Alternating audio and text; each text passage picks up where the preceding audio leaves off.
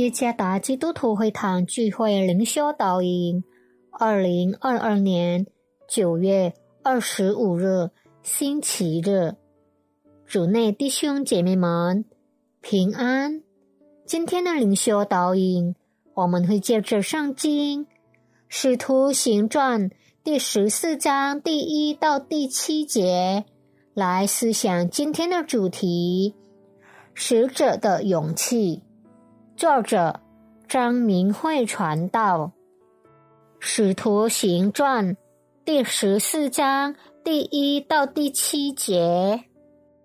二人在以哥念同进犹太人的会堂，在那里讲的，叫犹太人和希利尼人信的很多。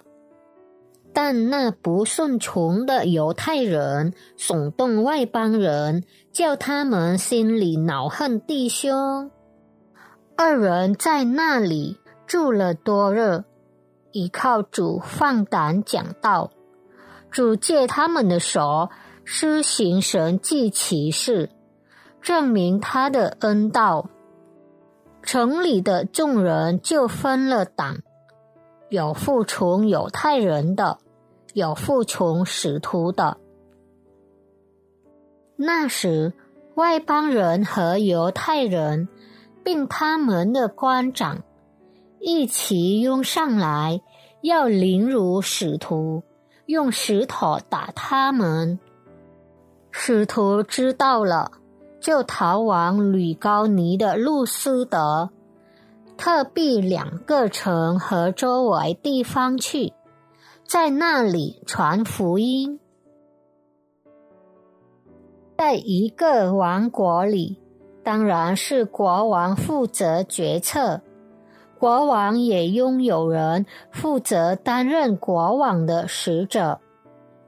当向某人传达国王的旨意时，无论是国王赠送的礼物，还是惩罚，被派的使者必顺服的执行他的命令。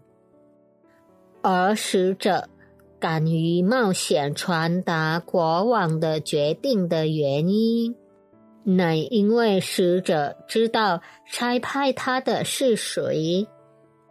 就是决定权强大的国王。今天的经文讲述了保罗和巴拿巴在安提亚的比西底城遭到犹太人的拒绝后，如何前往以哥念。他们因传福音而被拒绝，且被赶走。尽管如此，他们并不害怕。在以哥念，他们又在会堂里教导。据说很多犹太人都相信了。参看第一节，同样的事情再次发生。那些拒绝他们讲道的犹太人，耸动不认识神的外邦人，使他们怀疑保罗和巴拿巴的讲道。参看第二节，保罗和巴拿巴害怕了吗？在第三节中，很明显，他们大胆的教导，因为他们相信神。保罗和巴拿巴并不害怕，因为他们知道差遣他们的是谁，就是会兼顾他们所要传的信息。并赐予他们行神迹奇事的能力之神。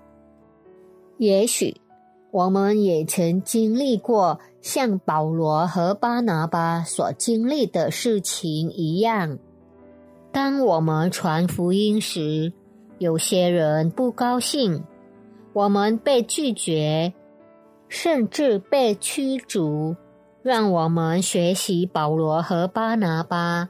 不要害怕，即使冒着被拒绝的风险，也要勇敢，因为我们知道差遣我们的是谁。